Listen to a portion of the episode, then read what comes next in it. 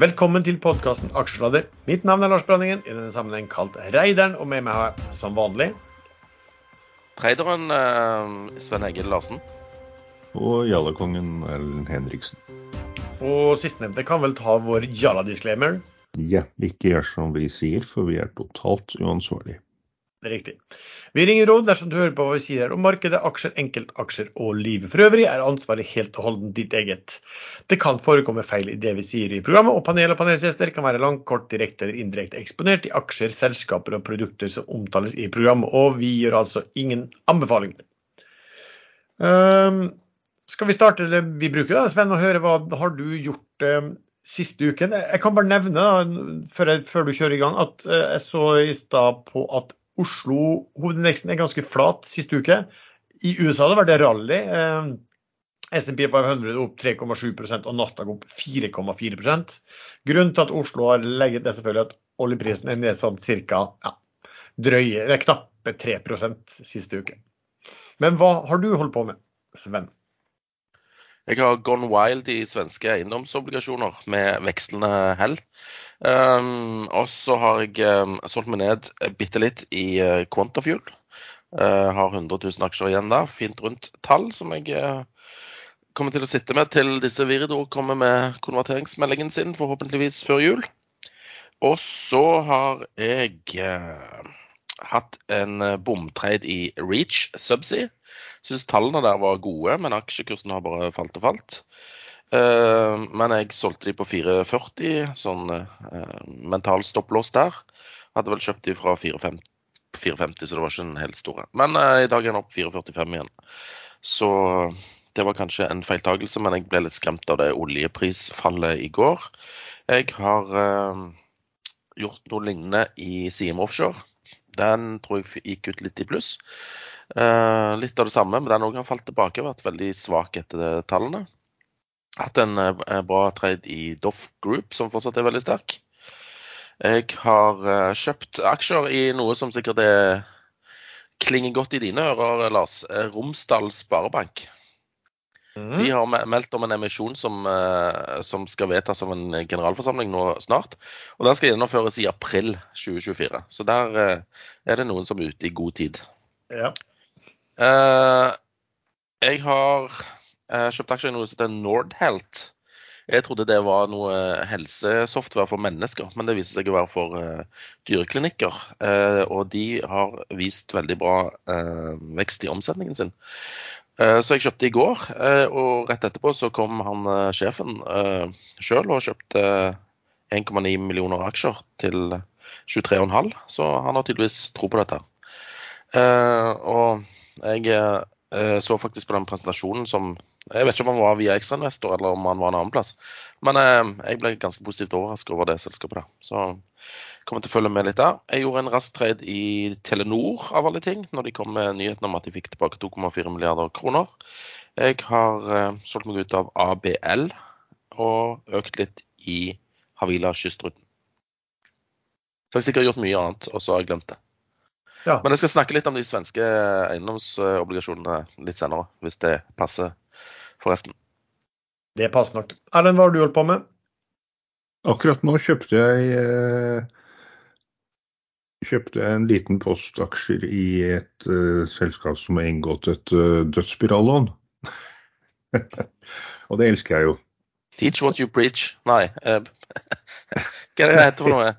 Idex. Ja, ja, ja, Jeg skjønner hva du mener, men uh, Nei, de, ja, de har jo inngått et dødsforhold men så øh, etter forrige episode hvor jeg sa hva jeg mente om det, så plutselig kom de med en melding om at de også kjører en emisjon samtidig, og hentet inn 30-35 millioner kroner.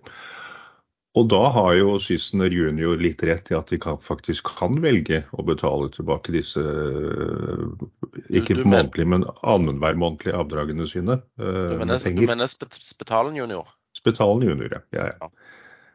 Nesten same same. Um, så da kan de faktisk velge det i noen avdrag. Og så er jo hans påstand at de kommer til å tjene bøtter og spann med penger til neste år, for da skal de selge trillioner av sånne chips. Uh, og da vil han få rett. Da vil de slippe å, å kjøre konverteringer på, med rabattert kurs. Men jeg tror ikke noe på det. Men det er det ingen som får med seg før et stykke ut i neste år, etter at de har betalt en to-tre avdrag med cash på dette dødsspirallånet. Så da får vi se hvem som får rett. Hvis, hvis Spetalen junior får rett, at de faktisk kommer til å begynne å selge masse chips og får et marked, så, så kan den bli virkelig, virkelig bra. Men nå har de sagt dette i 77 år, og det har ennå ikke skjedd. Vi får se. Ellers så har jeg fremdeles en liten post i, i Nodel. Skal vi se. um. Tror du? ja. Og så har jeg uh, tredet litt i, i Argeo, men uh, den er jeg helt ute av. fordi jeg som jeg regnet med, så var kvartal tre-tallene dårlig. Eh, kvartal fire-tallene vil heller ikke merke noe til, eh, til de nye kontraktene. Eh, og der vil det påløpe kostnader for ombygging av båter, båten de kjøpte fra Shellwater og litt sånn forskjellig, så jeg tror kvartal fire også blir dårlig.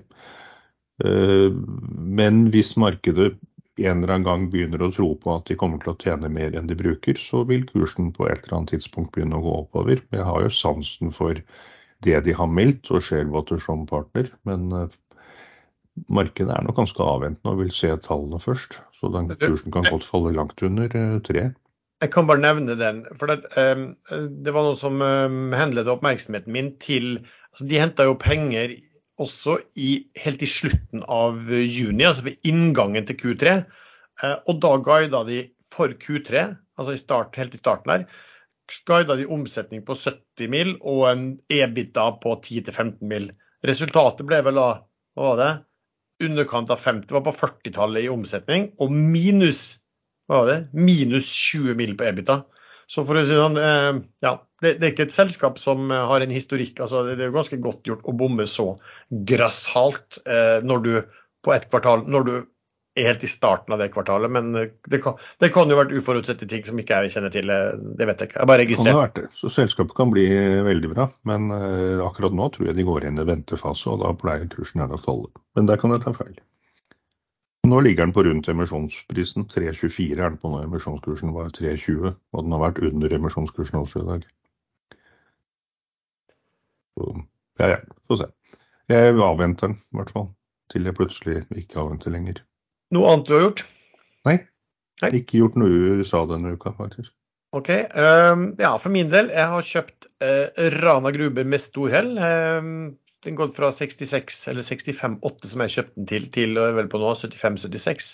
Eh, det var et lite problem der. Eh, jeg la en ordre i startaksjonen, var litt sikker på kanskje mandag eller tirsdag eller hva det var, eh, og fikk én aksje. Oppdager jeg. Som, med, som med kurtasje. Så på det, så minimumkurtasje på det, så har jeg fortsatt litt å ta igjen på den. da. Um, Men den ene aksjen kan jo bli veldig, veldig mye verdt, da? Ja, plutselig kommer det en eller annen sånn eh, emisjon mot eh, rettighet der du kan få tektur på, på tildeling eller et eller annet. Det kan jo skje. Ikke sant. Bare tull. Men um, samle gamle børsposter som man ikke har. Jeg har flere sånne, eller bitte små tøyser. Fire aksjer her og tre aksjer der. liksom Bare tull. Um, har kjøpt litt Horisont Energy. Uh, og så har jeg kjøpt, tatt litt i uh, Elkem på 18.05 tidligere i uken. Um, ja, litt basert på at uh, den, den, er jo kommet ganske langt ned da, på prisbok og den biten her. Fått veldig juling. Og så skulle det være et møte mellom eh, Biden og Xi, og så tenkte jeg at OK, kanskje litt sånn, ja. Folk blir litt mer glad i, i, i kineserne, og det her er det jo Elkem har jo kinesiske uh, storeiere og gjør en del heldige i Kina, så kanskje det hjelper på. Um, reduserte litt i eh, VSS AB, den vi kaller for rørleggeren i tidligere uke. Den lå vel da rundt 100 kroner.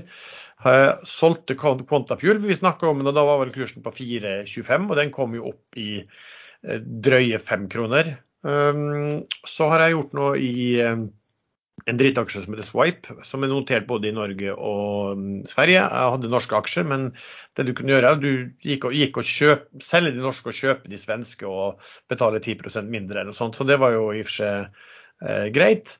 Og så har jeg kjøpt I går så kjøpte jeg tre ting. Jeg kjøpte denne Nykode. Og så kjøpte jeg Biotek, og så kjøpte jeg Ultimovax Biotek, og så kjøpte jeg Aker AMSC. Og AMS heva jo ut igjen med tap, så det var ikke så vellykka. Mens både Nykode og Ultimovix de ser PT veldig bra ut. Gått sterkt siden i går, og det var litt fordi at det var en DNB analytiker som var ute i, i Dagens Næringsliv og liksom snakket om fem ganger mulighet i, i uh, nykode og 100% mulighet på med, med, ganske snarlig trigger i Ultimovox. og Sånt, sånt vil alltid ja, friste folk til å, til å trade. Så det var egentlig årsaken til det. Um, Sven, hva har skjedd på emisjon og de frontene der? Nedsalg? Ja, jeg beklager. Jeg tulla meg inn på uh, DV, uh, nei, DP World Tour-sendingen på, på Altiboxa. Det er visst en, sånn golfturnering på gang nede i Dubai-området. Så uh, Nei, det har vel ikke vært så mange. Så du syns golf er mer interessant enn å gi et godt bidrag til aksjesladderepisoden?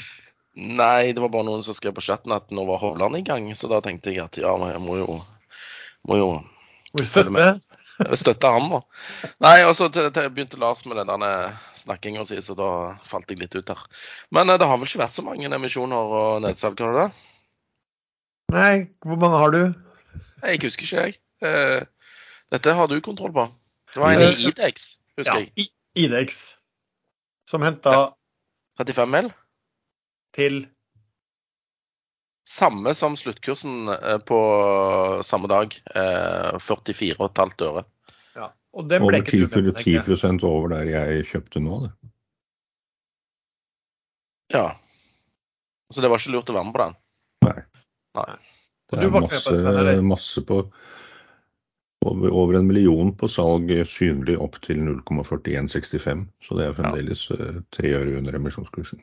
Det, det, er et par selskaper på Oslo Børs som jeg aldri er interessert i. Det er Sveip og Idex. Altså, er ikke ett til sånn uh, fingeravtrykksskitt? Uh, Svenske Fing. Uh, nei, nei, men Next, Next i Norge. Next, Next, Next, ja. De tre.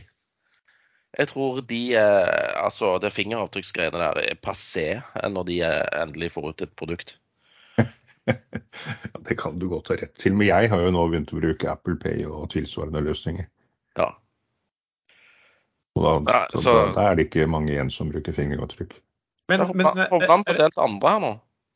Jeg regner, med at du, jeg regner med at du var helt uinteressert i Idex eh, når det ikke ble noen rabatt i det hele tatt? Å fy søren, ja. Tenk, tenk å, å, Da må du faktisk til undersøkelse hvis du, hvis du kjøper Idex til full pris.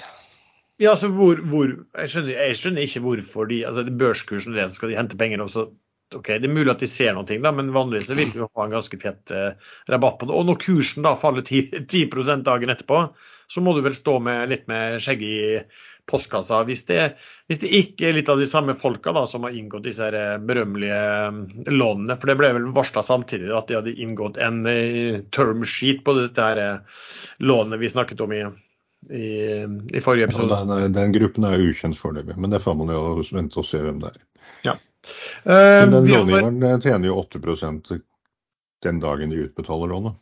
Men det, det, er jo sånn, det, er jo ingen logisk grunn til at de skal hente inn 30-35 millioner kroner etter at de har lånt over 100, som de påstår skal holde til å starte positiv inntjening. Så den eneste grunnen er at de skal ha penger til å betale ned de første avdragene i cash. Kan ikke være en annen grunn.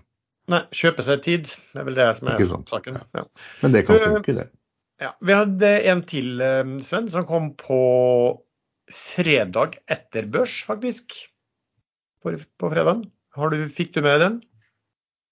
Fredag etter børs? Nei, den fikk jeg ikke med meg. Nei, Det var eh, Huddlestock.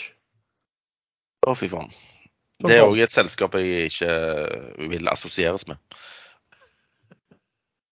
Det er bare for at du aldri har skjønt hva de holder på med? Nei.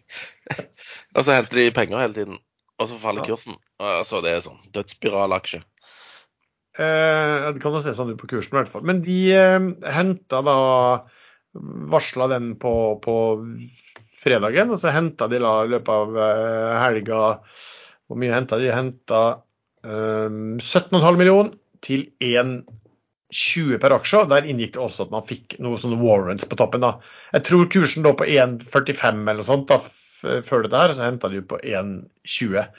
Uh, den der har vært litt spesiell. for at, uh, i hvert fall i forhold til sånne grupper på Facebook sånn, så har liksom de, selskapet gitt uttrykk at de ikke trengte å hente penger. Men hvis du så på balansen, uh, så skjønte jo enhver at disse trenger penger. Ikke? Det, det kommer ikke til å gå i pluss med det, med det aller første. Og så ble det liksom nå Eh, er vel et eller annet at de ble spilt inn at dette skulle omtrent hente inn vekstkapital og den biten der. Men klart, når, når, du går så mye minus, du, du trenger faktisk penger til å, til, til å dekke underskuddet der, da. Så, så, så, vi får se hvordan det, uh, hvordan det går. Um, skal vi se om det var noen andre som jeg tenkte på også. Har, du fulgt, ja, med denne her uh, Norconsult? Hvordan det gikk etter, har gått etter at de kom og ble notert, Sven? Ja, de har sklidd, som spådd i forrige episode. Når eh, den grønne skoen ble fylt opp, så, så sklei han litt. Men han ligger vel eh, på 18-tallet eh, fortsatt. Ja, den ble ikke satt på kurs 19. 19. Ja, da, Men der, der, vet vi vel at disse eh, tilretteleggerne ligger og støttekjøper der, og kommer til å gjøre det i en eh, fort i en eh, liten måneds tid. 18,54 ligger den på nå, og det var på 19. det var kurs. Da. Og den er jo holdt oppe av uh, støttekjøpene, selvfølgelig. Den var multiple times uh, covered, liksom, på 19. Og der har du takken. Ja. Enda en litt mislykket uh, så, enn så lenge, i hvert fall, emisjon. Lumi har kommet De skulle jo gjøre en fortrinnsrettsemisjon som ble nedstemt. Eh, den har vel de trukket nå, forstår jeg i dag på en melding at eh, der var vel disse storeierne har vel blitt pressa av, av minoritetsaksjonærene som ikke har villet stemt gjennom ting. Så eh, etter jeg forsto så blir det ingen emisjon der med at de skal heller låne inn penger. Så den, den ser ikke ut som, som blir av i det hele tatt. Um, Men vi venter jo på en, eller et nedsalg, venter vi vel på som eh, skal igangsettes i neste uke. Hvor eh, Sparebanken Sør har eh, sprunget rundt og presentert seg for Gud og hvermannsen. Og der liksom allmuen kommer til å bli invitert til å bli medeier i Sparebanken Sør. De skal selge ned 3 milliarder, spare, 3 milliarder kroner for Sparebankstiftelsen. Og der er det snakk om en bonusordning på disse aksjene. Tilsvarende, tilsvarende som, som var på Sparebanken Vest? Ja, stemmer. Så den kan sikkert bli populær.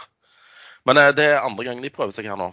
Forrige gang så måtte de trekke den pga. rådende markedsforhold. Ja. Så det er spennende å se hva som skjer denne gangen. Ja, også, begynte de å markedsføre seg den gangen, eller? Nei, det tror jeg kanskje ikke de gjorde. Jeg tror ikke de kom i gang. Men nå har de vært rundt land og strand, og de skal vel en tur innom deg òg eh, neste uke, så vidt jeg forsto. De skal ha en live-presentasjon via Ekstrainvestor på Facebook og ja, generelt ellers også på onsdag klokken 10.30. Med ja. Topp, det, er kommet, det, er, ja, det har ikke kommet ut noen uh, terms, men uh, beløpet på 3 milliarder er kommet ut via ja. Nordne.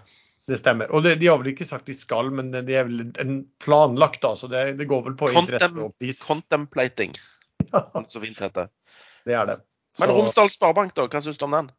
Uh, det, den har jeg ikke sett på. Jeg registrerte bare at det var veldig lang tid. Er det fortrinn, eller er det bare at de skal gjøre emisjon i Nei, det er, for, det er um, sånn med tegningsretter, ja. Sånn fortrinnsretter. Ja. Og rettene, er det de som eh, går, Blir de tildelt nå i forbindelse med generalforsamling, eller er det først i, ute i april? Nei, det skal vedtas nå, så han går vel x retter eh, med generalforsamlingen. Ja. er det er spesielt å gjøre, altså Ja. Hvorfor vente til april, liksom? Nei, det Det, det er bare de folkene derfra. Du har Sunndal og Surnadal, og nå har vi Romsp. Romsp. Det, det, er bra sak. Men jeg, jeg, måtte jo kikke det. Jeg kjøpte jo, han falt jo så mye, så kjøpte jeg litt. Og så sjekket jeg regnskapet. Eh, bokførte eh, egenkapital per egenkapitalbevis er jo 105. Han har jo vært eh, sykt overprisa de henter penger på 107, da. Mm. Ja. Du vet jo aldri hva som ligger i boka. Da. Det kan jo være at det er en eller annen grunn at det er noe merverdier eller et eller annet sånt. Er det. Hvem vet. Prosef, der har vel kursen falt under emisjonskurs. Når er det vi får de aksjene, Sven? Jeg håper aldri. Avlyse hele revisjonen, liksom? Du må avlyse den uh, retta emisjonen. Uh, de kan i hvert fall avlyse den der reparasjonsemisjonen. Det er jo ganske så populært. Men der har jo Erlend en teori på at det alltid skjer. Så Mulig han har rett. At den alltid blir avlyst? Ja, ja. Den ble avlyst i Argeo i hvert fall i går.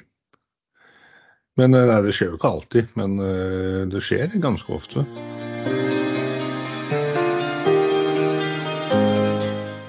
Sparebankstiftelsen Sparebanken Sør planlegger et betydelig nedsalg av egenkapitalbevis i Sparebanken Sør for inntil 3 milliarder kroner i fjerde kvartal. Ved kjøp av egenkapitalbevis i nedsalget skal det også inngå en ordning som innebærer at du får bonusbevis, altså flere egenkapitalbevis uten ytterligere betaling, dersom du blir sittende på egenkapitalbevisene i 12 og 24 måneder. Kjøper du f.eks. 1000 egenkapitalbevis i nedsalget, får du ytterligere 50 egenkapitalbevis 12 måneder senere, og nye 50 etter 24 måneder. Rettigheten til bonusbevis betinger at du ikke har solgt eller på noen annen måte overført eller flyttet fra VPS-kontoen du oppga ved tegning. Sparebanken Sør er landsdelens største bank med over 30 avdelinger og 158 milliarder i forvaltningskapital. Banken leverte 1,28 milliarder kroner i overskudd etter skatt i 2022, med et utbytte per egenkapitalbevis på kroner 6. Førstkommende onsdag 22.11. klokken 10.30 kommer Sparebanken Sør ved CEO Geir Bergskaug, flankert av Nordnes analysesjef Petter Slyngstadli, til ekstrainvestor for å fortelle mer om banken, nedsalget og bonusbevisene. Lenken til presentasjonen finner du i beskrivelsen til denne episoden.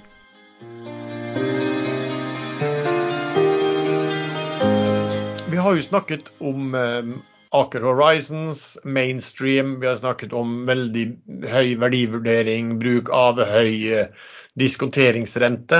Eh, og hele markedet har gått og venta på at det skulle komme en avklaring på, på denne restruktureringen slash reorganiseringen av mainstream. Eh, Sven, fikk du med deg hva det resultatet ble? Nei, jeg fikk bare med meg Pareto-analytikeren som sa at det var null verdi. Men uh, jeg fikk ikke med meg terms av den restruktureringen. Men det var noen nye lån, var det ikke? Ja, det de gjorde, altså Man hadde jo forventa at, at, det måtte skytes inn ny egenkapital der. Um, men, og, og, dette er jo det kaller vi altså andelsselskapene, andelsporteføljen, altså Chile-porteføljen, altså med egne selskap. Og det som det endte med, var jo at uh, altså, de er litt lure her, da, um, Aker og disse Mitsui og alle disse her. Det er litt kicking the can down the road og ikke vise verdiene, kanskje. fordi at det de heller gjør, er at de skaffer seg lån backed by. Altså det vil si backed by de, altså Sånn som jeg forstår det, så, så får Mainstream eh, nye lån eh, som er garantert av Aker Horizon og Mitsui, altså eierne. Uh, og de pengene da uh, legger de inn i den Chile-porteføljen, vil jeg anta. Uh, og så refinansierer de litt lån, gjør nye avtaler der. også spesielt, de oppgir ingen lån. Altså, de altså lånerente. Det blir ikke oppgitt. Og så er det én aktør, en sånn mesaninlångiver, som de har krangla med, som der noe av deres lån omgjøres til aksjer i, denne, i disse andelsselskapene. Og egentlig andelsselskapene, det er der verdien i mainstream ligger. Og igjen litt spesielt, så ikke hvor mye de konverterer, og til hvilken kurs de konverterer. Så, og så var det verdt å merke seg i forbindelse med dette her, at de la fram noen tilleggsnoter til halvårsregnskapet sitt nå. Eh, på hvordan de beregnet verdien på mainstream, altså fra Aker Horizon. Og det var, sto det at det var etter dialog med Finanstilsynet. Så Finanstilsynet har åpenbart vært på bane her for å spørre Aker Horizon eh, hvordan kan dere eh, hvordan kan dere ha slik bokført verdi på mainstream, for det tror ikke markedet på uansett. Men det er litt kick in the can down road, og så har da analytikerne ser jeg, ment nå at uh, det ikke er verdt noen ting. og jeg skjønner egentlig ikke hvorfor de sier det etter denne avtalen, og ikke sa det før, eh, i så fall. Eh, for det er ikke noe i den avtalen der som egentlig sier at den er verdt mindre enn hva man burde tro før, da. Så, men eh, vi får se. Um, Men det vil jo da si at uh, Aker Horizon er verdt uh, verdien av uh, Aker Carbon Capture minus gjeld. Nei, det er ikke riktig. for de, de, altså Hvis man husker dette her, det, det, var jo en sånn grusom børsnotering som heter Aker Clean Hydrogen. den har de tatt inn i Aker Horizon. Den ble jo lagt tilbake inn dit igjen. Og det samme er vel med Aker Offshore Vind. Eh, så skal man jo si at den type selskap nå, de, de er jo ikke akkurat eh, populære på børsen. Eh, Nei, men det kommer, det kommer tilbake. Ja, det, ikke sant, det kan godt være. Så, så, du har det, og så har du noe som heter Supernode, som de eier litt av også. Så, så det er også en del av eiendelen. da. Så, så, Men kan mainstream bli en liability? At de kan tape penger på den? Nei, At de må ut med mer penger, mener du? Ja. Uh, ja, i forhold til at de virker å ha garantert for nye lån der, så, så, ser det jo absolutt sånn ut, da. Vi er ferdig med Q3-rapportene. Det kom vel, Jeg vet ikke om det var den siste, eller vi er i hvert fall litt på tampen av det. Det kommer en uh, Hafnia kommer vel i dag. Uh, og der ser jeg at uh, var ABG sin analytiker som skrev at man hadde ventet, Hvis man holdt utenfor oljeselskapene, så hadde man venta et fall på 11% i Q3 i Oslo. Og det ble minus 25% på driftsresultatet. Er det liksom oppfatningen du også hadde, Sven, når du har liksom skanna hva som har skjedd på, på, av det tallmessige? At det har vært svakere enn venta, ja. Jeg sitter med den oppfatningen. Var det noe mer du ville ha svar på? Nei, hva, det er litt i forhold til hva, hva tenker du da liksom, om, om, markedet? Noen spesielle ting du har, du har liksom, uh, eh, merka deg? Liksom... Nei, det er marginer. Uh, kostnadene er for høye. Uh, omsetningen vel, har vel ikke skuffa sånn særlig, men uh, blir spist opp av uh, høyere kostnader som følge av den inflasjonen og, og ikke minst renteøkningen som har vært. Mm. Spesielt det på havvind og så, altså, sånn vindprosjekter har fått smake det. Eh, så plutselig fra å være hot, så er det not hot eh, for øyeblikket. Ja, Men nå begynner det å snu igjen. Nå satte jo England UK opp eh, prisene. Som Nei, de garanterer de, de økte, at de vil få. Økte, økte vel subsidiene, gjorde de ikke? Ja, garantert uh, offtake-pris av uh, ja. strømmen. Det er vel egentlig en subsidie. Det er jo det samme, ja. Indirekte. Så, så uh, ja, da får vi en sånn næring som da er prisgitt subsidier. Og det er jo bærekraftig. Ja, det er, det er litt større bilde. Kan, ja, ja, jeg skjønner det, men kan vi ikke bare dure, vi durer bare på med den olja heller? Det er mye billigere. Jeg regnet ut i går eh, med 103 millioner fat om dagen, så bruker verden 37 milliarder fat i året. Så du har eh, innsett at det er over 100 millioner fat per dag? Ja, jeg har betalt straffen min nå. Tre kasser okay. vin tapte jeg på det veddemålet der. Oi, oi, oi. til tre ja. forskjellige. Jeg, jeg, jeg, jeg, gikk litt høyt ut der. Men eh, sånn i prinsippet har jo rett. Jeg, jeg sa jo at oljeforbruket aldri skal opp igjen til eh, gamle høyder og, aldri over 100 millioner fat om dagen enn etter korona, for da vil man switche mye raskere over til grønt. Og jeg har i hvert fall fått rett i at man switcher mye raskere over til grønt, både pga. korona og eh, Putins invasjon av Ukraina. Så, så det er sånn halvrett. Jeg, jeg tapte med eh, smil av munnen. Men 37 eh, milliarder fat om dagen, da holder dagens påviste ressurser i 44 år. Da er det null. 37 milliarder fat om dagen? Nei, i året. I året, ja. Ok. ja. ja. Og eh, så finner man jo gjerne dobbelt så mye som man tror, tror, det er igjen nå, så da holder det i 88 år. Men da er det, da er det ingen olje igjen, da er det helt tomt. Og så er det da over 6000 produkter som lages av olje som ikke forbrennes i forbrenningsmotorer.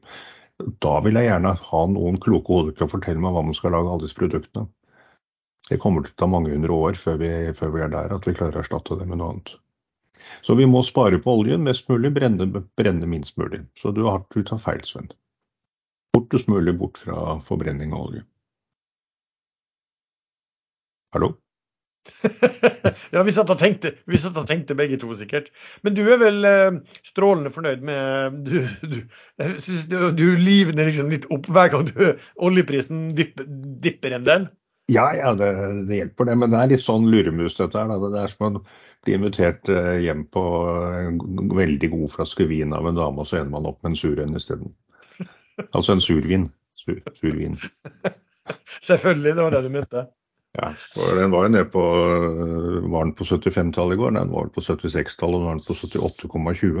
Ja. Men i dag er det fredag, og markedet er jo ofte litt avventende før en helg. Da. Så man tror at det skjer noe under i løpet av helgen, og da skal alt opp og alt er bare fryd og gammen igjen for, for disse oljefanatikerne. Eh, men så kommer mandag, og da kommer blåmandag, for det har ikke skjedd en dritt i helgen. Da er jo alle fri. Og så ramler det. Og så har OPEC Når har de møte? Neste møte?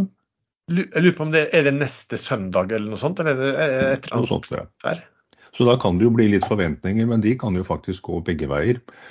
Og det man har sett er at de 2,5 millioner fatene som OPEC faktisk har redusert eh, produksjonen med, OPEC pluss, påstår de i hvert fall, de er nesten 100% oppveiet av økt oljeproduksjon andre steder. 1,9 millioner fat er økt andre steder. Og så er det jo alltid spørsmål om OPEC virkelig har redusert med 2,5 millioner fat, og likevel faller oljeprisen.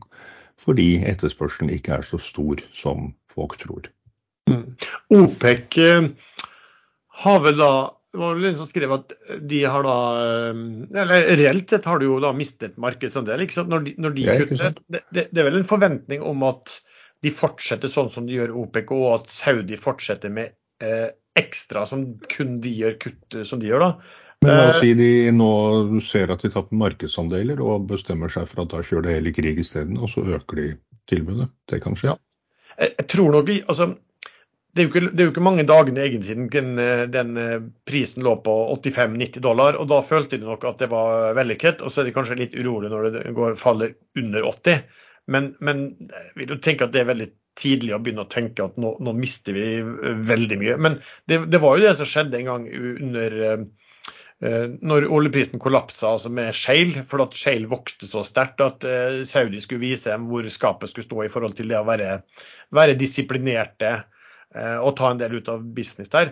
Og, nå er det jo, Selv om det vokser i Shale, så er det nok, de er nok ganske disiplinerte sånn på investeringssiden i USA, landbasert. Men ja, de stadig vekk bedre er de teknologisk eh, får mer utnytta eh, riggene sine, ikke minst. da.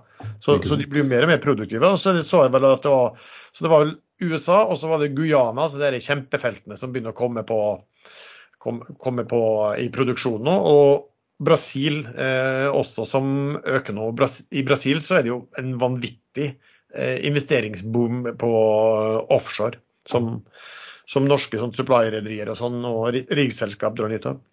Ja, Så tilbudet kan fortsette å øke. Rysta var ute og mente at uh, shale i USA kan vokse til 15 millioner uh, fat om dagen.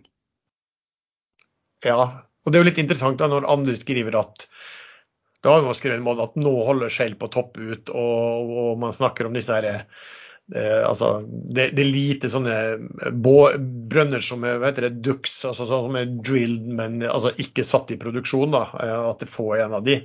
Eh, så, så, vi får vel se. Og så har det jo, har det jo blitt en del sånn oppkjøp på Shale i USA.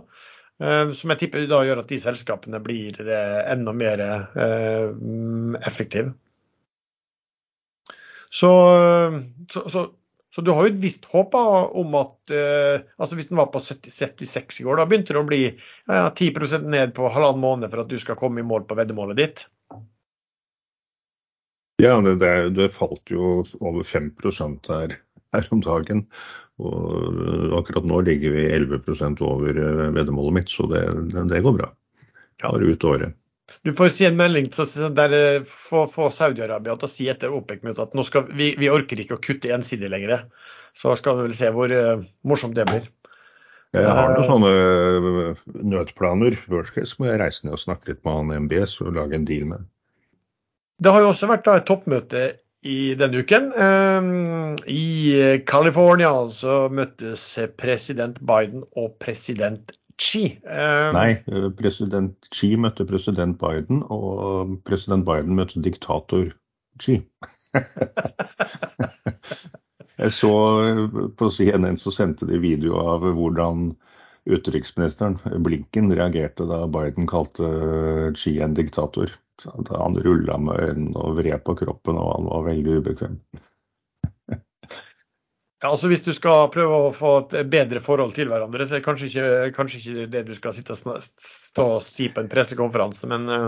Men Biden hadde jo et manuskript på pressekonferansen, og så var de dumme nok til etter en så lang dag Han hadde jo sittet i timeslange møter og gått turer, og han holdt ikke ski i hånden, men det var ikke langt unna. Eh, og var sliten. Eh, og så fikk han spørsmål, og han svarte godt på de første par spørsmålene, og så begynte han å surre. Og så begynte han å surre noe helt ekstremt. Og så gikk han, og så stoppet han opp og tok imot flere spørsmål fra salen, og det var da han sa det med diktator. Så pressekorpset vet jo akkurat hvordan de skal lure han inn i en felle. Og han gikk i den. Ja, og dette er en gammel, en gammel kall, rett og slett. Han er det. Så Blinken skulle tatt Q&A på den eh, pressekonferansen der, så hadde det gått helt fint. Ja. Men kom det noe ut av det møtet, sånn som eh, du forstår det? Ja, jeg har fulgt med litt på hva Kina, pressen i Kina skriver om dette, og de har ikke nevnt den diktatoruttalelsen med denne stor. Bortsett fra en talsmann for Utenriksdepartementet som, som, sa at det var en, eh, en sånn uttalelse må man ikke høre. Negativ, Men den ble ikke gjengitt i kinesisk presse og er heller ikke dukket opp på kinesiske forum, så den ble sensurert bort. Så Kina mener at dette var et bra møte. Eh, hovedsakelig så, så ble det avtalt å gjenopprette direkte kontakt mellom militære forsvarssjefene i begge land. Den har ligget død siden, siden Trump var president, vel. Um, og det er jo livsfarlig. At ikke de kan ta en telefon til hverandre. Og sammen med Xi og Biden skulle snakke direkte sammen. Og så var det én ting til de ble enige om. Uh, det husker jeg ikke i farten. De ble enige om Altså, de skal jo satse på fornybart. Og så var det at begge to uh, skulle da ha som målsetting å ha igangsatt fem, hver fem store sånne carbon capture uh, og lagringsanlegg da, når vi er kommet til 2030. Ikke sant. Men sånn uavhengig av det, så har, tyder nå det meste på at Kinas økning i CO2-utslipp vil reverseres allerede til neste år. I henhold til uh, til eh, Kinas politikk, så skal det være nullutslipp i 2060. Eh, Kina selv har sagt. Og så skulle de redusere utslippene fra 2035, og de har vel fått en tillatelse i Parisavtalen til å fortsette å øke helt fram til 2040. Så her har det snudd veldig fort. Senest i fjor så sa Kina at de regner med eh, å stoppe økningen i 2030, og nå blir det 2024 isteden. Du Sven, du bruker å følge med på Supply. Jeg skjønte at du hadde, hadde handla litt i Doff eh, i uken også. og Det har jo kommet analyser fra meglere som er eh, veldig optimistiske på, på spesielt eh, Doff og, og, Solstad. Samtidig så ser vi at Spetalen virker jo som han selger seg ut av Supply, supply, nå via denne Standard Supply. De solgte vel store deler av flåten sin denne uken. Hvorfor tror du Spetalen er noe han ser som de andre ikke ser, eller hva, hva, hva tenker du? Pleier ikke han å selge litt for tidlig, da? Jo, sammen, med andre, er det det du mener? Uh, hæ? Jeg vet bare noen andre som bruker å klage på at de selger for tidlig, nemlig. Ja, ja sånn ja. Men, uh, nei, men han er jo kjent for det, og han vet det jo sjøl. Men uh, får gode priser, da. Uh, jeg tror ikke toppen er nådd, så det er mulig han har solgt de litt for tidlig, men han, han solgte de vel til rundt 23 eh, millioner dollar per stykk. Eh, som er Og dette er store PSV-er. Eh, det er litt samme prisen som eh, som Geo, altså Golden Shower, betalte for disse her uh, Rune uh, Supply-båtene sine nettopp. Rundt 22 millioner tror jeg de betalte per stykk. Så prisene har gått opp litt, og han var fornøyd. Samme gjorde han jo når han hadde dette eh, SD-drilling, som var disse jackupene. Ja. Det var bare sånn Asset Play, og prisene gikk opp, og han solgte. Litt for tidlig. Ja. Men det han, han, han holdt på med noe tankgreier òg. Der, der, kjøpte han vel på topp, men eh, jeg husker ikke om han har den andelen fortsatt, eller om den er solgt. Nei. Det, på, var det på privaten? Eh, det var på pri privaten, ja. Han traff mm. toppen ja. i tankmarkedet. Ja. Uh, nei, også han, altså Assetplay har det jo han og hans system vært ganske flinke på. Det, det er jo kanskje det man har håpet på også når de har masse penger i, i um, SD, SD og slash Saga uten at det har skjedd noe der det, egentlig det siste året. Men nå, nå får jo da altså De selger disse her, som er en ganske dominerende del av selskapet, og så skal, sånn som jeg forstår det, så skal alle de pengene deles ut til aksjonærene.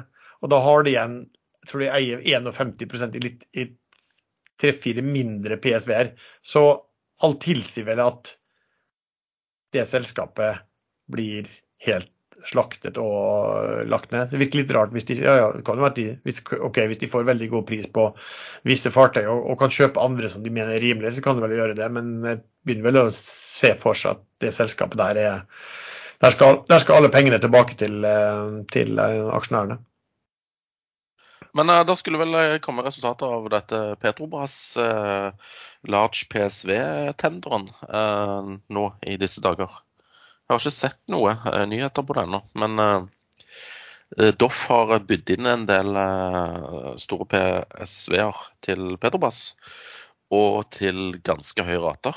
Og det kan medføre at ordrereserven til Doff kommer til å stige kraftig. Mm. Det går òg rykter om at denne her eh, Nordmann Maximus er bydd inn til Petrobas. Så det er spennende for Solstad hvis det så er tilfellet. Sist uke så snakket vi om opptippskandidater. Um, tenkte vi, vi la også ut en, eh, et spørsmål på, på den Facebook-gruppen som heter Børsforum, hvor vi har 38 eh, 000 medlemmer. Uh, og ba folk der legge inn og stemme på sine favoritter. Tenkte skulle bare ramse litt opp. En som vi ikke nevnte vel, eller gjorde det, um, jeg tror vi ikke nevnte den, det var XXL. Den fikk mest stemmer med 22 av, av de som, altså, hvem de trodde ble kjøpt opp. Uh, Filly fikk 14% Quantafuel 8% Deep Value Driller 5% Adevinta 5% Ultimovax 4% Scatec 4% Komplett 3 Aker Horizon 3% og Crayon 3% Så var det en masse andre som fikk stemme på 2, 2 og nedover. Så Sånn var det den. Så de 38 000 brukerne er totalt udugelige som ikke fikk med seg Riber Shipping? Ingen hadde snakket om Riber Shipping. Nei. Ja, den ble jo kjøpt opp. Ja, og det ble faktisk en veldig bra eh, budpris òg. Det var jo dobling av eh, kurs, mer eller mindre. Ja, ja det var kanskje 80% eller noe. Ja, Men, nesten. da. Pente. De delte jo ut uh, Sharewater-aksjene sine uh, til uh, aksjonærene i Riber Shipping. Så nå sitter de igjen med noe nybygg på noe vind vindkonstruksjonsfartøy som ikke er blitt levert ennå. Og så har de vel en eller annen sånn isbryter eller et eller annet. Eller jeg husker ikke om de har noe igjen, bortsett fra de vindbåtene. Men uansett, Riber tar deg av børs. Ja, ja.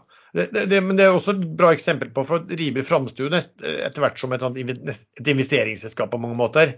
Uh, og Det er jo et skoleeksempel på hvordan du gjør dette her på en veldig aksjonærvennlig uh, måte. alt sammen. Da. Og også hvis du har uh, investeringsselskap med store rabatter på hvis du får en eier som plutselig tar tak, så ja, kan det bli, fort bli bra.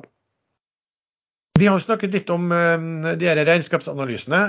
Litt usikker, det vil vise seg. Jeg har lagd en større analyse. Vi har snakket om å legge den som et vedlegg, dvs. Si å legge den etterpå den vanlige episoden, fordi at noen syns det er veldig kjedelig, mens andre syns det er veldig bra.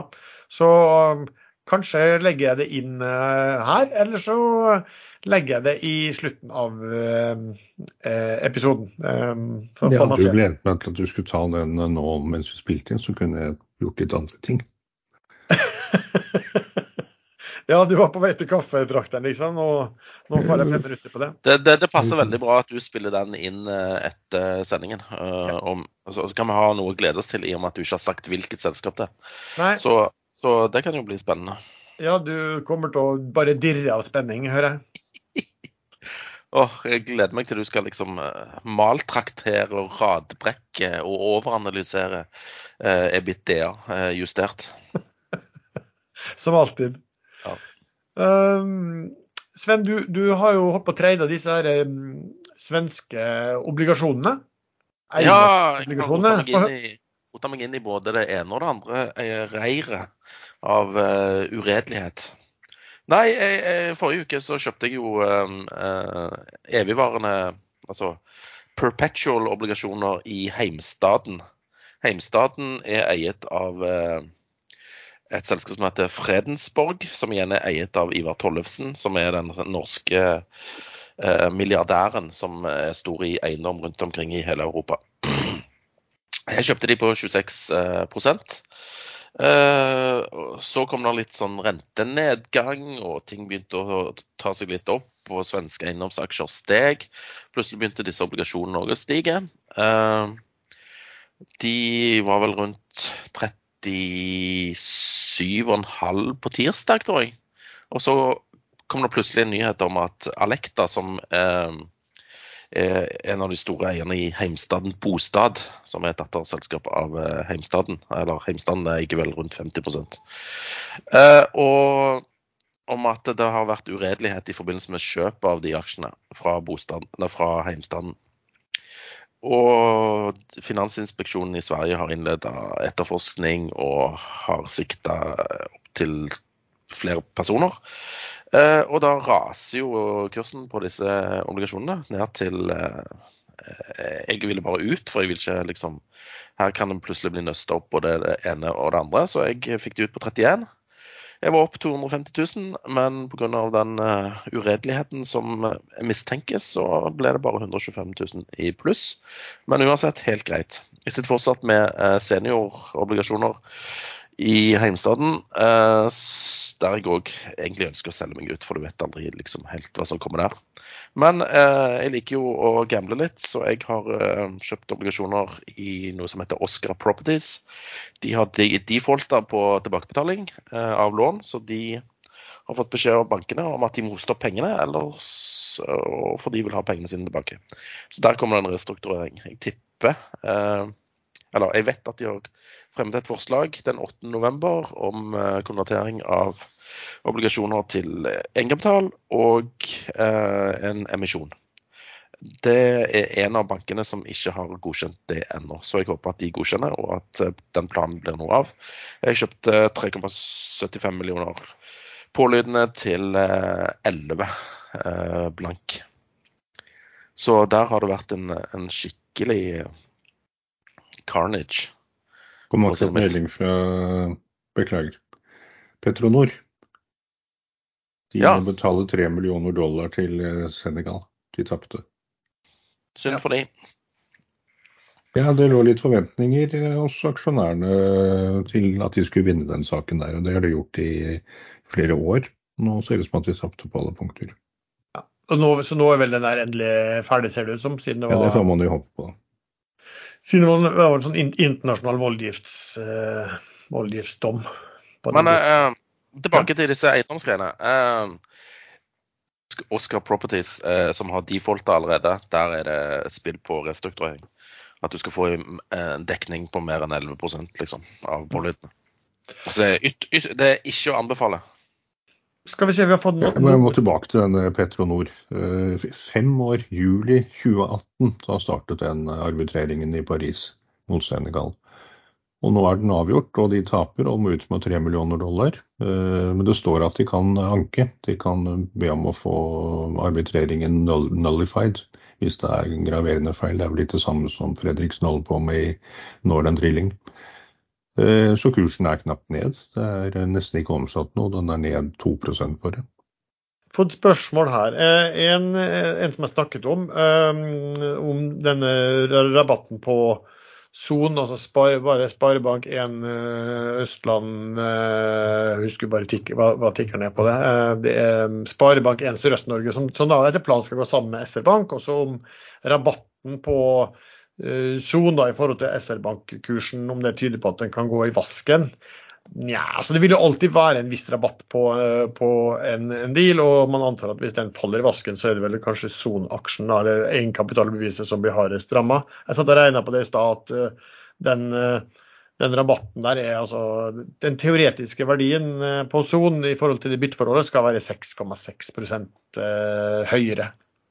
Så ja, altså det og det her skal vel være gjort innen, innen eh, seks måneder. Da. Så, så, så, sier det sånn at hvis du kjøper Son, eh, og, eh, og det, dette blir, blir, går gjennom, noe vel alle tror, eh, og, den, um, og SR-Bank holder seg um, flatt da, kursen er helt flatt, så, så gjør du knappe 7 da, på et halvt år. Det er liksom det der. Ja.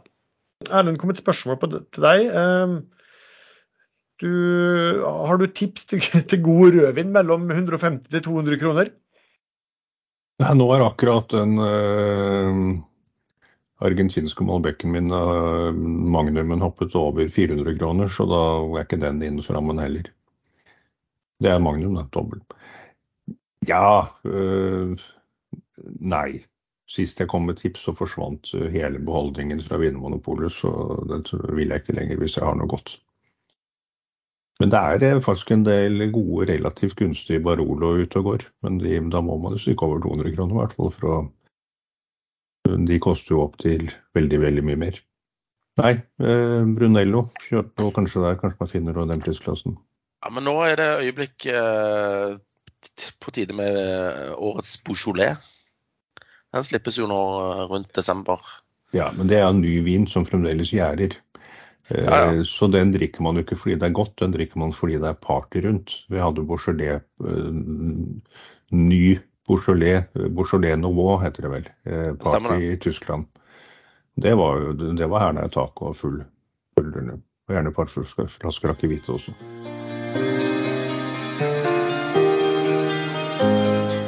Aksjesladder sponses av IG, trademegleren som tilbyr en tradingplattform for deg som vil handle med giring. Handler du bull- og bear-produkter i dag? Da må du prøve Turbo24 hos IG og få fordeler som døgnåpen handel, tre ganger, fem ganger, ti ganger eller mer i giring, og selvfølgelig deres innovative plattformer. Den siste uken har vi sett sterk oppgang i amerikanske indekser, der bl.a. Russell 2000 steg over 5% på tirsdag. En døgnåpen handel gjør det mulighet for deg som trader å ta posisjon på det amerikanske markedet når det ellers er stengt. Oppdag en bedre måte å trade på hos IG. Han Turbo24 og få tilgang til et bredt utvalg av populære markeder som valuta, indekser og råvarer uten kurtasje. Er turbowarrant nytt for deg, men du altså handler bull- og B-produkter fra før? Åpne en demokonto for å teste, eller livekonto på ig.com. Lenken finner du i beskrivelsen til denne episoden. Besøk ig.com slash no, eller last ned appen i dag. Men husk at all trading involverer høy risiko.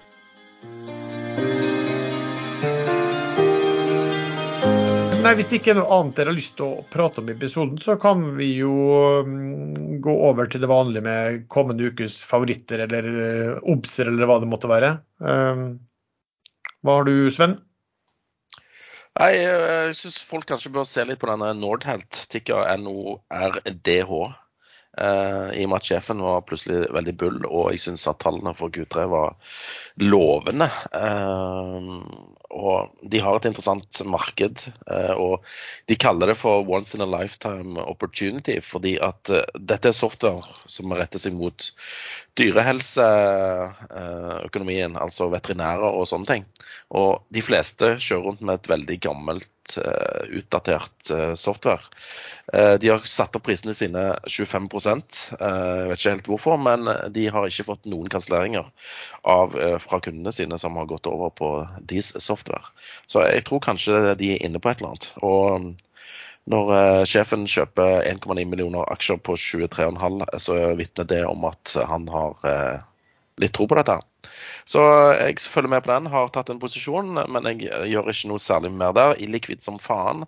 Det var litt likviditet eh, tidligere i uken, men nå virker den å ha ja, dødd litt hen. Han er opp.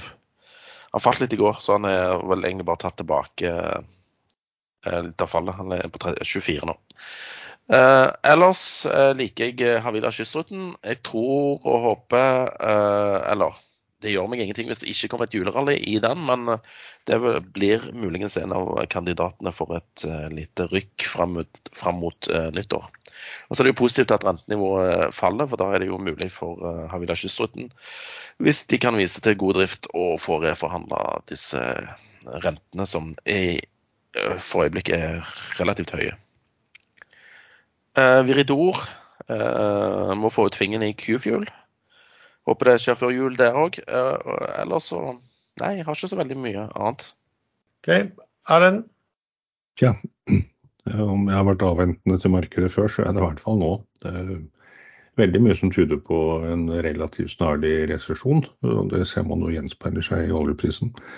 Men eh, absolutt ingen anbefaling til noen som helst andre. Men eh, nå, skal, nå, jobber vel Finanstilsynet med å godkjenne prospektet til Nodel, og det tar gjerne tre-fire uker, har jeg klart å grave meg opp i.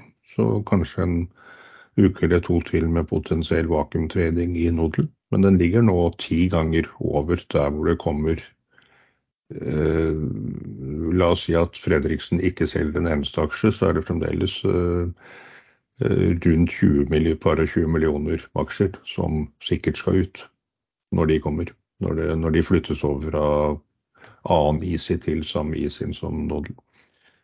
Men eh, litt spekulasjoner må man drive med. Eh, ellers så forklarte jeg hvorfor jeg tror Idex allikevel kan være et bet. Og det er snart julerally òg. Og der har vel stort sett de aller fleste som vil ha skattefradrag, de har begynt å, eller solgt mesteparten. Så plutselig kan den stikke. Argeo avventer jeg til jeg ser om den enten fortsetter å falle, da holder jeg meg bare unna. Eller hvis den begynner å stige, så kan det være at øh, jeg har tenkt feil, og at den kan være et godt bet. Og så er det denne Univid. Den har jeg ikke selv akkurat nå. Den ligger og vaker øh, rundt 0,41 akkurat nå. Så må se om børsen trekker, eh, trekker eh, avgjørelsen om å deliste aksjen. Der eh, jeg så på det brevet som Univid sendte børsen, og det var åpenbart ikke lenger skrevet av styreformannen eller en klerk i bakgrunnen, men av en profesjonell og veldig god advokat. Det var ekstremt velformulert, og det var både tilbakevisning av børsens påstander. Det var også trussel om å gå til erstatningssøksmål hvis børsen opprettholder kravet. Så den burde vel egentlig stikke, men det ligger i kortene at det skal kjøres en emisjon på 0,40, ganske stor emisjon på 0,40 den etter hvert. Så det, det, blir eventuelt et bet på at den skal ta en jallarønn før den vil gå tilbake mot 0,40.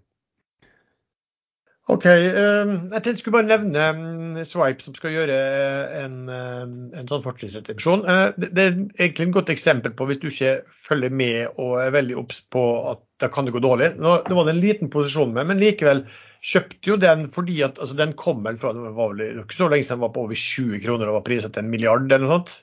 Eh, og så eh, skulle disse svenske storeierne de garanterte for en, da, en emisjon som lå på firetallet. Uh, og da tenkte jeg OK, uh, jeg kan jo bare prøve å tegne meg på den, da, for det var ganske stor rabatt på det. Og, tenk, og da fikk jeg en del aksjer i, i den uh, sammenhengen. Og så etter det så har den bare sklidd. Og jeg liksom sittet og tenkt på at OK, det har vært lite på kjøpersiden.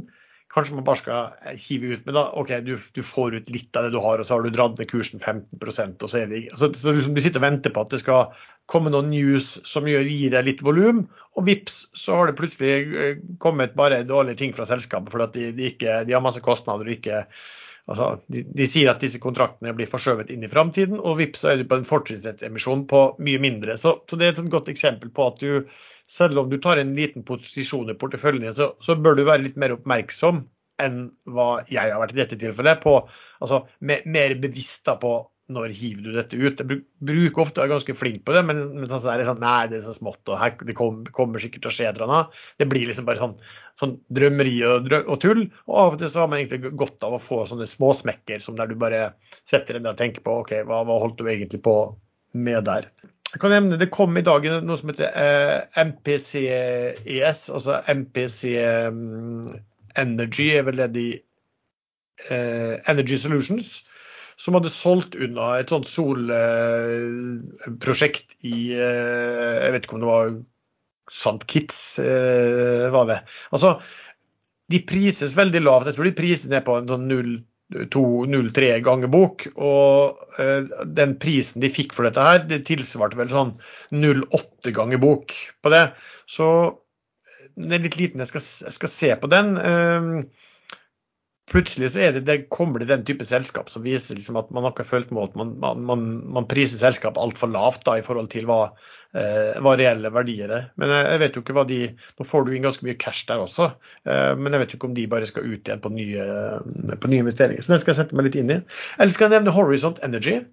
Um, de kom med tall, og nå var cash-bruken eh, en del, eh, falt en del, um, som de egentlig har lovet. Priser cirka, fortsatt til ca halvparten av eh, nettcash, som eh, man alltid kan si er altfor lavt. Men det, det, blir jo sånn når nettcash faller hele tiden, og du, du ligger hele tida og prissetter halv, halvparten av det, til slutt så har det blitt en value trap eh, som gjør at du har tapt mye penger. Nå, nå ligger jeg litt under på, eh, på, inngangen min der, men jeg har kjøpt litt i uken. og Årsaken er vel at til det er vel at én, de brukte mindre penger. To var at de skal eh, ha innkalt kaller til generalforsamling nå i desember.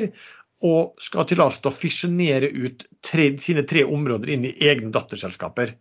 Eh, og Det er vel egentlig noe jeg har venta på de burde gjøre. fordi at alle forventer jo at pengene de har, Det er vel to sånne karbonlagringsprosjekt, eh, hvor det ene er vel litt sånn midlertidig. Uh, og så er det en sånn ammoniumfabrikk. Og alle har vel endt, de har vel smelt ut 300-400 millioner eller noe sånt her, og alle har vel liksom sagt at det har bare gått ut i det store sluket, blir ingenting av masse kapitalbehov i framtiden. Eh, fort riktig det, eh, men det blir jo, altså hvis de nå splitt, legger de ut i tre datterselskap, så er jeg ganske overbevist på at de gjør det fordi at de skal ha inn medeiere i hver av disse eh, prosjektene. Så spørsmålet er vel da eh, klarer de å få med seg medeiere i disse prosjektene, og til hvilke betingelser. Altså, da kan det jo være at man plutselig ser at én eh, nye partnere mener at det har skjedd en verdioppbygging eh, i de prosjektene. Og to er det jo da ikke minst hva vil det innebære av en ny partner i forhold til det fremtidige kapitalbehovet. Først skal man gjennom alle disse her tre, så, så blir jo det veldig store beløp. Da. Så det, det er fortsatt et uh, lodd. Uh, registrerer at det ikke ble noe sånn uh, nedsalgspress på Golden Energy. Den blir tatt godt uh, imot. Det var vel var nede på 1,22 eller 1,21 sist fredag. Nå Noen vel på 1,26-27 28 kanskje. Ehm, så så jeg også på Norske Skog. Ehm, men den har så dårlig erfaring på det, jeg orker ikke å ta. Men eh, når jeg sier at jeg kanskje burde ta den, så er det vel ja, så er det vel kanskje et signal til andre at det kan være Det, det var i hvert fall litt interessant med han, han eh, nye, altså han som eier ganske mye der. så De fikk jo noen stor erstatning. Eh, og det var vel eh, eh og da, da er det snakk om at de kanskje kan, kan, bygge det opp igjen, men også da bruke en annen type maskin som, som gir andre typer sånn papirproduksjon som er mer, ja, mer, mer, mer lønnsomt. Så, så, vi får se der. De har jo fått mye, de har jo fått mye juling. Dasspapir og kartong er framtiden. Ja, og det er vel det de skal gjøre. Altså, hvis jeg husker det, så var det slik at de hadde tre sånne på den, der, den som er ramma av sånn, jordskred. Den fabrikken de fikk jo masse penger for å bygge opp igjen. Og to av de, um, to av de maskinene var vel uskadet, og den tredje var skada. Der, der, kan de nå velge å bruke pengene til um, å produsere sånn annen type papir, som, som du sier, som er uh, som er framtiden. Så vi får se. Men til gjengjeld her så har de jo slutta. Nå er det slutt med tilbakekjøpet også. Det har jo ikke vært så så veldig vellykka det heller, for å, for å få helt, helt, til noen sånne lure japanere finner på en annen måte å tørke seg i ræva på. Men eh, er du snart ferdig, eller? Jeg har en BMW I3 som må hentes på et verksted. Eh, ja. Og en datter som er utålmodig. Ja. Hvorfor har du en BMW? Nei, det er elektrisk. Det er hun eldste. Hun må ha bil å kjøre rundt i. Ja, jeg syns vel at vi må sørge for at de nyrike skal få tid til å stikke ut og, og hente seg en ny bil. Nei, men altså, eh, jo, eh, jeg glemte å si det. Eh, det kommer indeksendringer i disse Morgan Stanley-fondene gjeldende fra 1.12. Og på min Twitter-konto eh, Salaco så eh, har jeg limt inn de endringene. Jeg kan ikke ta de her, for jeg husker de ikke. Og da må jeg slå opp, og det har jeg ikke tid til. Nei. Og med det så takker vi til deg som har lyttet til denne episoden. Du treffer stadig oss til chattene inne på Ekstrainvestor. Vi har også en egen gruppe på Facebook som heter podkasten Aksjesladder. Musikken er som vanlig laget av sjazz.com, og vi høres. Og hvis jeg ikke har klippet inn min lille regnskapsanalyse tidligere i programmet, så kommer den nå. Og det er litt kult, da, for da slipper jeg å kjøpe sånn eh, innsovningsmedisin. Det er bare å skru på Lars sin regnskapsanalyse. Nå som vi er kvitt de to andre paneldeltakerne, så har vi endelig muligheten til å snakke litt i fred og ro om noe som er veldig spennende, nemlig regnskapsanalyse. Tenkte i dag jeg skulle ta for meg Kitron. Eh, Kitron de har 198 millioner aksjer. De var, Siste gang jeg så på det, priset på 31,6. Det vil si at de har da en markedsverdi på 6,3 milliarder kroner. Eh, på tolv måneder så er den aksjekursen opp 36% på to år opp 73% men, og hittil i år var den opp 14 men ned 21 siste måned. Eh, det er et selskap som driver med såkalt Electronic Manufacturing Services, dvs. Si tjenester innenfor hele verdikjeden av elektronikkproduksjon, inklusive utvikling og design, industrialisering og produksjon, samt produktoppgradering og servicereparasjoner. De driver i ti land, har ca. 3000 ansatte. Altså, Per eh, tredje kvartal så hadde omsetningen i år eh, vært på 6,8 milliarder kroner. Det er en økning med 23 for året. 8,3% år over år i Q3. Eh, den omsetningen er da fordelt på fem forretningsområder.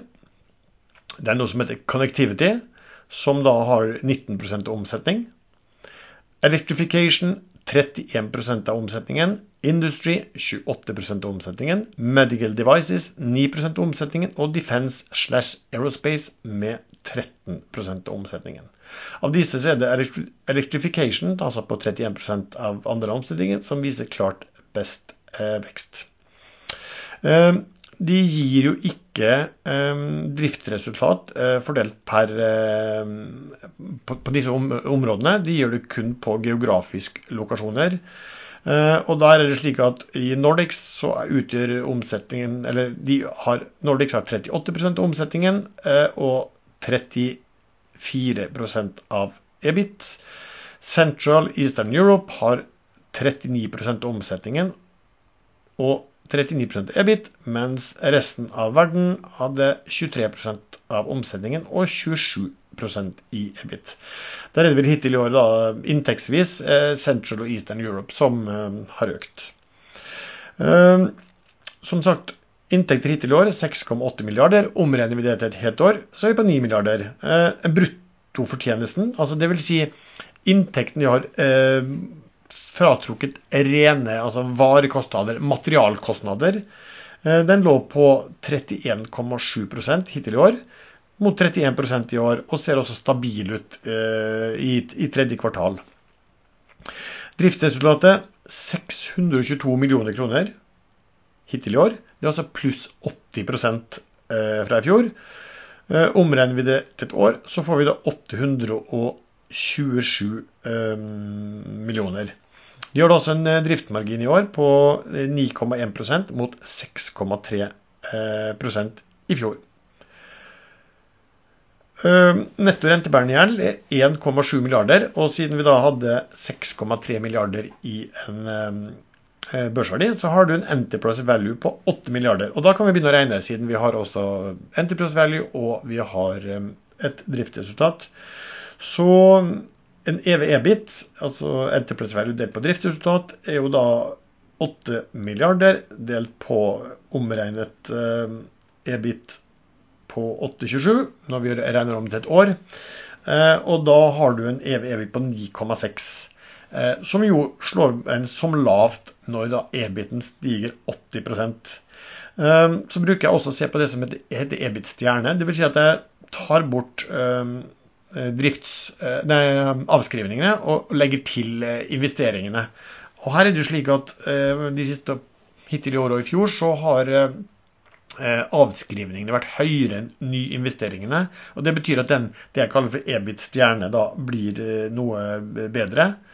Um, den blir da, i stedet for å regne det på uh, 622 hittil i år, så uh, blir den på 671 hittil i år. Så hvis jeg bruker EV, EV EBIT stjerne, så er jeg nede på 9 istedenfor 9,6. Som i og for seg også viser hvor viktig det er å se på kontantstrømmen her, da. Inntjeningen, altså dvs. Si per aksje etter finans og skatt, er da på 2 kroner og 36 øre per aksje year to date, som er ca. en bedring på ca. 100 Omregner du det år, så er du på 3,13, dvs. Si en PE på 10. Eh, altså med 100 nesten vekst på eh, bunnlinja. Eh, man bruker jo regne det jeg snakket om en sånn PE growth, altså du, du ser P-tallet i forhold til vekst. Da skal jo du egentlig gjøre det framover, men her har jo ikke noe eh, gjør jo ikke noe beregning, altså jeg bare en kald regnskapsanalyse. Så er jo ikke noe beregning på hva, hva du måtte ha eh, i, i framtidig resultatutvikling. Eh, så gjør du den historiske, da du bruker 23-tallene, så har du en PE på 10 og en vekst på 100% som er 0,1. Og det er jo veldig lavt, eh, må man si. Så tilsynelatende, det man ser på her, så vil jo man si da at, at Kitron ser veldig attraktivt ut. Eh, cashflow fra drift eh, er noe svakere enn hva man skulle tro ut ifra EBIT, EBIT stjerne. Men det har med å gjøre at selskapet vokser kraftig. Og når du vokser kraftig, så vil det være sånn at du har behov for et høyere varelager. Og du kommer til å ha høyere kundefordringer.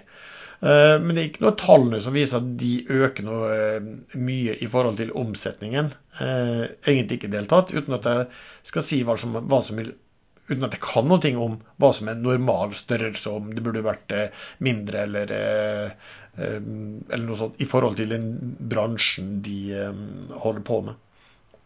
Men varelager, kundefordringer altså Du kan regne på, Hvis du regner varelager i forhold til omsetning, så får du en slags sånn varelagerets omløpshastighet. og Den er jo tydeligvis ned eh, hittil i år. og Det samme gjelder jo da med, med kundefordringene. Og, og, det er jo isolert sett gode, gode tall. Så kan man lure på ut ifra dette da, hvorfor faller et sånt eh, selskap eh, i verdi, altså ned 21% de siste tre måneder? Jo, det er jo fordi at eh, når du regner verdi på en aksje, så vil du jo se på framtiden. Eh, skulle du bare sett på det jeg har snakket om nå, eh, et eh, regnskapstallene, altså kald regnskapsanalyse, så ville det sett veldig bra ut. Men det som bekymrer markedet her, er jo en ordreinngang, ordremasse, og en slags indikator de bruker opp som en, på, på framtidig etterspørsel. Og de viser en viss svakhet både i Q2 og eh, Q3, der de altså faller fra foregående kvartaler, sekvensielt, som man sier. Eh, og de har også snakket om mer usikkerhet innenfor det som er connectivity og industry. Og det er også områder som utgjør 50% nesten av omsetningen i selskapet. Så det, så det, her gir jo mer usikkerhet, lavere visibilitet for 2024. Og det jeg kunne se, i hvert fall er at Meglerhus har kutta eh, vekstanslagene sine ganske betydelig. Eh, de jeg så på ett av de, og der var det ja, det var ikke store inntektsveksten i 2024 eh, basert på det anslaget. Og der var eh, resultatene forventet å være jevne. Altså, det vil si at ikke, ikke noe vekst i eh, resultat. Så, så, i så fall så vil du også ha det på en måte de samme nøkkeltallene, altså en P10 EV-EBIT 9 fort på, eh, på samme tall neste år. Og til forskjell fra når vi ser på øyeblikksbildet nå, så vil det da være et et, et år med laber inntektsvekst og, og, egentlig null resultatvekst hvis meglerhusenes eh, estimater treffer. Og, og, så skal man jo tenke at dette kan jo regnes som syklisk. Da. Så hvis det er sånn at inntjeningen er på vei nå, og inntektene er på vei nå til å stagnere, eh, da, da, kan de jo også komme til å falle. Og spørsmålet er liksom hvis du ser de svakhetene i noe som har gjort det veldig bra over tid, men som kanskje syklisk og på vei ned i et litt svakere mm, periode, så er det jo spørsmål om skal man kjøpe da. Kom gjerne med innspill til andre selskap som vi kan eh, snakke om eh, i eh, framtiden i aksjesladder. Så håper jeg dette ga deg en grei innføring i hva status er regnskapsmessig for Kitron per nå.